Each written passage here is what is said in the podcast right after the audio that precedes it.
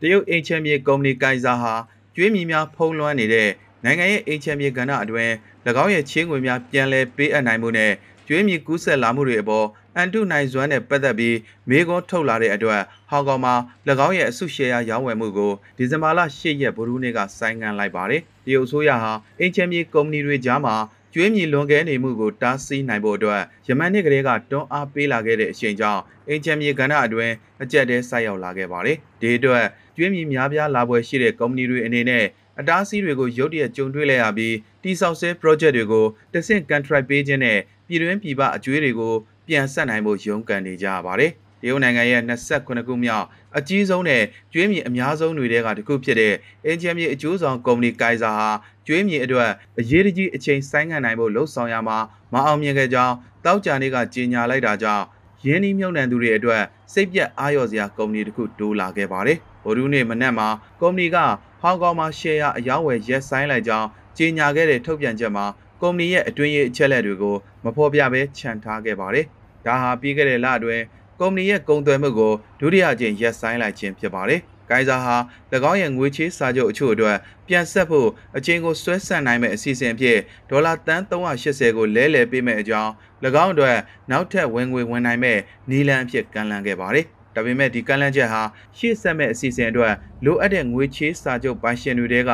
90ရာခိုင်နှုန်းကသဘောမတူခဲ့ပါဘူး။ကုမ္ပဏီမှာလက်ရှိဒေါ်လာ17.6ဘီလီယံတန်ကြေးရှိတဲ့ငွေစက်ကူတွေကျန်ရှိနေပြီးရခိုင်2015ခုနှစ်ကဒေါ်လာအကျွေးအပေါ်ပြက်ကွက်ခဲ့သလိုနောက်တစ်ကြိမ်ရင်းကဲသို့လှုပ်ဆောင်လာတဲ့ပထမဆုံးတရုတ်ကုမ္ပဏီဖြစ်လာပါတယ်။အကျွေးအများဆုံးတရုတ်အိမ်ချမ်းမြေလုပ်ငန်းကတော့နွေရာသီအစောပိုင်းမှာအားလုံးရဲ့ယုံကြည်မှုကိုပြတ်ပြားစေခဲ့တဲ့ Evergrande ကုမ္ပဏီဖြစ်ပါတယ်။ ရှန်ကျန်းအခြေစိုက်ကုမ္ပဏီဟာအိမ်ချမ်းမြေကဏ္ဍကိုဘေကျင်းကစတင်ထိန်းချုပ်မှုမပြုခင်ကတည်းကချင်းငွေဒေါ်လာ300ဘီလီယံတင်ရှိနေခဲ့တာဖြစ်ပါတယ်။အိန္ဒိယတက်မတော်ကာကွယ်ရေးဦးစီးချုပ်ဗိုလ်ချုပ်ကြီးဘီပင်ယာဝက်လိုက်ပါလာတဲ့ရဟယန်တစင်းဟာဒီဇင်ဘာလ10ရက်ဗိုလ်ဒူးနေ့ကပြတ်ကျခဲ့ကြောင်း တက်မတော်လီမှပြောကြားခဲ့ပြီးလူခုနှစ်ဦးသေဆုံးကြောင်းအခင်းဖြစ်ပွားရာနေရာမှာရောက်ရှိနေတဲ့အစိုးရဝန်ကြီးတဦးကပြောကြားခဲ့ပါတယ်။ယာဝက်ဟာ2019ခုနှစ်မှာအစိုးရကဝန်ကြီးချုပ်နာရန်ဒရာမိုဒီနဲ့နှီးဆက်သူအဖြစ်ပေးအပ်ခဲ့တဲ့ပထမဆုံးသောအိန္ဒိယရဲ့ကာကွယ်ရေးဦးစီးချုပ်အဖြစ်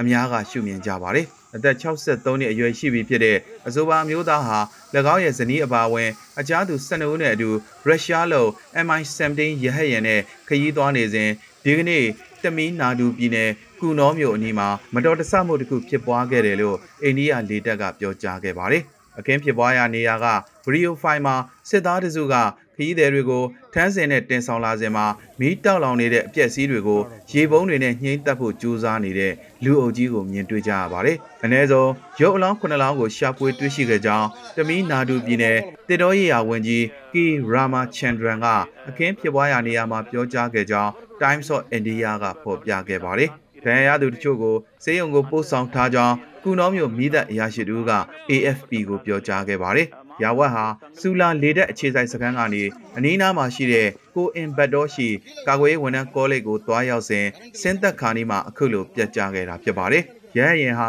အနီးဆုံးလမ်းမကြီးကနေ10ကီလိုမီတာ6မိုင်ခန့်အကွာမှာပြတ်ကျခဲ့တာဖြစ်ပြီးအခင်းဖြစ်ပွားရာနေရာကိုအရေးပေါ်ကယ်ဆယ်ရေးဝန်ထမ်းတွေချက်ချင်းရောက်လာခဲ့တယ်လို့ မိသက်အရာရှိတို့က AFP ကိုပြောပြပါတယ်။ကမ္ဘောဒီးယားဝန်ကြီးချုပ်ဟောင်းမင်းသားနိုရိုဒွန်ရာနာရက်ဟာနိုဝင်ဘာလ28ရက်တနင်္ဂနွေနေ့ကပြင်သစ်နိုင်ငံမှာကွယ်လွန်သွားကြောင်းနိုင်ငံရဲ့ပြန်ကြားရေးဝန်ကြီးက Facebook မှာကြေညာခဲ့ပါတယ်။သူဟာလက်ရှိအာဏာရှင်ဟွန်ဆန်ကိုတစ္ဆာခံတဲ့တပ်ဖွဲ့တွေဦးဆောင်တဲ့1998ခုနှစ်သွေးထွက်တန်းယိုအာနာသိမ်းမှုမတိုင်ခင် 1993ခုနှစ်မှာဝန်ကြီးချုပ်အဖြစ်ရွေးကောက်တင်မြှောက်ခံခဲ့ရပါတယ်။အသက်89နှစ်ရှိပြီဖြစ်တဲ့ရာနာရက်ဟာတနင်္ဂနွေနေ့နနက်ပိုင်းကလူကြီးယောဂါနဲ့ကွဲလွန်ခဲ့ကြောင်းပြန်ကြားရေးဝန်ကြီးခီရူကန်ဟာရက်နန်းတော်အရာရှိတူကိုကိုးကားပြီး Facebook မှာရေးသားခဲ့ပါတယ်။ရာနာရက်ရဲ့ဇနီးတဲ့ထံပေးပို့တဲ့ဝမ်းနေကြောင်းတဝန်လွှာမှာဟွန်ဆန်က၎င်းရဲ့ကွယ်လွန်ခြင်းဟာနိုင်ငံသာသနာနဲ့ဘရင်ကိုချစ်မြတ်နိုးတဲ့ထူးချွန်သောတော်ဝင်ဂုဏ်တွေဆုံးရှုံးရခြင်းဖြစ်တယ်လို့ဆိုပါတယ်။ လက်ရှိဘရင်နိုရိုဒွန်စီဟာမိုနီရဲ့ဖေးဒူမေအေကွဲညီတော်ရာနာရက်ဟာကမ်ဘောဒီးယားတော်ဝင်မိသားစုတွေရဲ့နိုင်ငံရေးအရာရည်မှန်းချက်အထားအခမ်းအဆုံးဖြစ်ပြီးဇောက်ထိုးမိုးမြော်နိုင်ငံရေးဘဝတစ်ခုကိုကြံ့ကြံ့ခံရင်ဆိုင်ခဲ့ရသူလည်းဖြစ်ပါတယ်။1993ခုနှစ်မှာကမ်ဘောဒီးယားနိုင်ငံရဲ့ကုလသမဂ္ဂကကမကထပြုတဲ့ရွေးကောက်ပွဲမှာတော်ဝင်ဝါဒီဖူစင်ဘက်ပါတီရဲ့ခေါင်းဆောင်အဖြစ်အနိုင်ရခဲ့ပေမဲ့ဟွန်ဆန်ကိုပူးတွဲဝင်ကြီးချုပ်အဖြစ်လက်ခံခဲ့ရပါတယ်။ ဟွန်ဆန်ကသူ့ကိုနောက်၄နှစ်အကြာမှာအာဏာသိမ်းမှုဖြင့်ယာဒူးကဖယ်ရှားခဲ့ပြီးအကျင့်ပြတ်ခြားစားမှုဆွဆွဲချက်တွေနဲ့ထပ်မံထိုးနှက်ခဲ့ပါတယ်။လိမ်လည်မှုတွေနဲ့ပါတီကထုတ်ပယ်ခံရပြီး2008ခုနှစ်မှာလူငင်းချမ်းသာခွင့်ပေးခံခဲ့ရပြီးနောက်ပိုင်းမအောင်မြင်တဲ့နိုင်ငံရေးလှုပ်ရှားမှုနှစ်ကြိမ်ပြုလုပ်ခဲ့ပါတယ်။2015ခုနှစ်မှာသူ့ကိုဖြုတ်ချခဲ့တဲ့ဟွန်ဆန်နဲ့မထင်မှတ်ထားပဲမာမိတ်ဖွဲ့ခဲ့ပြီးဟွန်ဆန်ရဲ့ကမ်ဘောဒီးယားပြည်သူ့ပါတီနဲ့လက်တွဲဆောင်ရွက်ဖို့ဖူစင်ဘက်ပါတီကိုပြန်လာခဲ့ပါတယ်။ နောက်၃နှစ်အကြာရွေးကောက်ပွဲမဲဆွယ်စည်းရုံးရေးလုပ်ရင်း၎င်းရဲ့ဒုတိယဇနီးဖြစ်သူအုတ်ဖလာကားတိုက်တပ်ဖြတ်ခံလိုက်ရပါတယ်။ကမ်ဘောဒီးယားနိုင်ငံဆိုင်ရာအမေရိကန်တန်အမတ်ပက်ထရစ်မာဖီကရာနာရီရဲ့ရုပ်အလောင်းကိုမကြာမီပြန်လဲလွှဲပြောင်းပေးမှာဖြစ်ကြောင်းထုတ်ပြန်ကြေညာခဲ့ပါတယ်။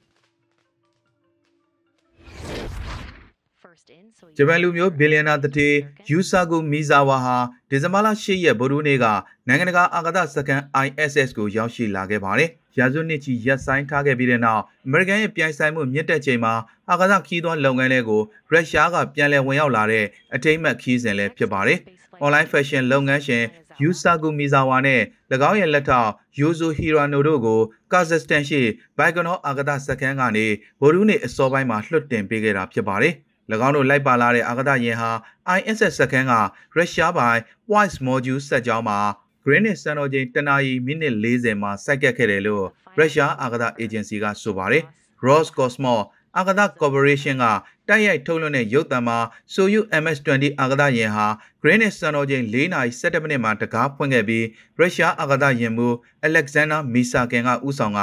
မီဇာဝါနဲ့ဟီရာနိုတို့လိုက်ပါပြီး နိုင်ငံတကာအာကာသစခန်းထဲကိုဝင်ရောက်လာပုံအားတွေ့မြင်ရပါတယ်။အာကာသယာဉ်တကားဖွင့်လိုက်ချိန်မှာ၎င်းတို့သုံးဦးဟာစခန်းထဲကိုလွင်မျောဝင်ရောက်လာပြီးရုရှားအာကာသယာဉ်မှူးအန်တွန်ရှကာပလာရော့ဖ်နဲ့ပီတာဒူဗရော့တို့ကကြိုဆိုနှုတ်ဆက်ခဲ့ကြပါတယ်။ဒီနောက်မှာတော့ Soyuz MS-20 အာကာသယာဉ်ကယာဉ်မှူးတွေနဲ့ ISS ကယာဉ်မှူးတွေက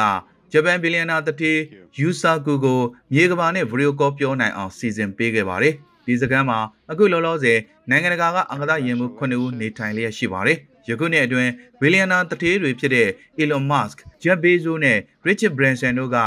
အကာသခီးသွွားလုပ်ငန်းကိုအောင်မြင်စွာဆောင်ရွက်နိုင်ခဲ့ပြီးရုရှားအနေနဲ့အလေးထားကာကွယ်လိုတဲ့ဒီဈေးကွက်ကိုချိုးဖျက်လိုက်တာပဲဖြစ်ပါတယ်။ ဒီဇင်ဘာလ10ရက်ဗုဒ္ဓနေ့ကနိုင်အဂါရာမြစ်ထဲမျောပါလာပြီးရေတခွန်နဲ့ပြုတ်ကျလူဖြစ်နေတဲ့ကားတစ်စီးပေါ်မှာအမျိုးသမီးတူသေဆုံးနေတာကိုတွေ့ရှိခဲ့ရတယ်လို့နယူးယောက်အာဏာပိုင်တွေကဆိုပါတယ်။အဆိုပါအမျိုးသမီးရဲ့ကိုရေးအချက်လက်တွေကိုထုတ်ပြန်ကြေညာခြင်းမရှိပေမဲ့အသက်60ကျော်အရွယ်ဖြစ်မယ်လို့ခန့်မှန်းထားကြောင်းရဲအရာရှိ Chris Roller ကသတင်းစာရှင်းလင်းပွဲမှာပြောကြားခဲ့ပါတယ်။နိုင်အဂါရာရေတခွန်စီကိုကားတစ်စီးမျောပါလာပြီးဖြစ်ကြောင်းကားထဲမှာလူတူပါလာကြောင်းမျက်မြင်သက်သေတွေရဲ့နေ့လယ်12နာရီမထိုးခင်မှာသတင်းပေးချက်အရအာဏာပိုင်တွေကချက်ချင်းတုံ့ပြန်ဆောင်ရွက်ခဲ့တယ်လို့ရိုလာကဆက်ပြောပါတယ်။အခင်းဖြစ်စဉ်ကိုမှတ်တမ်းတင်ထားတဲ့ဓာတ်ပုံထဲမှာအဆိုပါကားဟာတကားပွင့်လျက်ရေထဲမှာနင်းမြုပ်ဆဲဖြစ်ပြီးရေတကွန်အစွန်းနဲ့ဂိုင်း90အကွာကကြောက်တန်းနဲ့ညှိနေတာကိုတွေ့မြင်နေရပါတယ်။ကားရောက်နေတဲ့နေရာအရကျွန်တော်တို့ရေဘေးကယ်ဆယ်ရေးအဖွဲ့ကကယ်ဆယ်ဖို့မဖြစ်နိုင်ခဲ့ဘူး။ကမ်းခြေဆောင်တက်ကိုအကူအညီတောင်းမှ သူတို့ရဲဟရင်သုံးပြီးကယ်ထုတ်နိုင်ခဲ့တာပါလို့ရိုလာကဆိုပါတယ်အဆိုပါကားဟာဇင်းညံတရားနဲ့ကားမောင်းတရားကြား area ကနေမြစ်ထဲကိုထိုးကျတာဖြစ်နိုင်ကြောင်းကျသွားရတဲ့အကြောင်းရင်းအပါအဝင်ဒီဖြစ်စဉ်နဲ့ပတ်သက်တဲ့စုံစမ်းစစ်ဆေးမှုတွေလှုပ်ဆောင်နေပြီလို့အာဏာပိုင်တွေကဆိုပါတယ်။ဒေဆုံးသူအမျိုးသမီးဟာဒေသခံဖြစ်ကြောင်းပြောပေမဲ့နေရလိပ်စာကိုဖြေဆိုဖို့ရိုလာကညှင်းဆိုခဲ့ပါတယ်။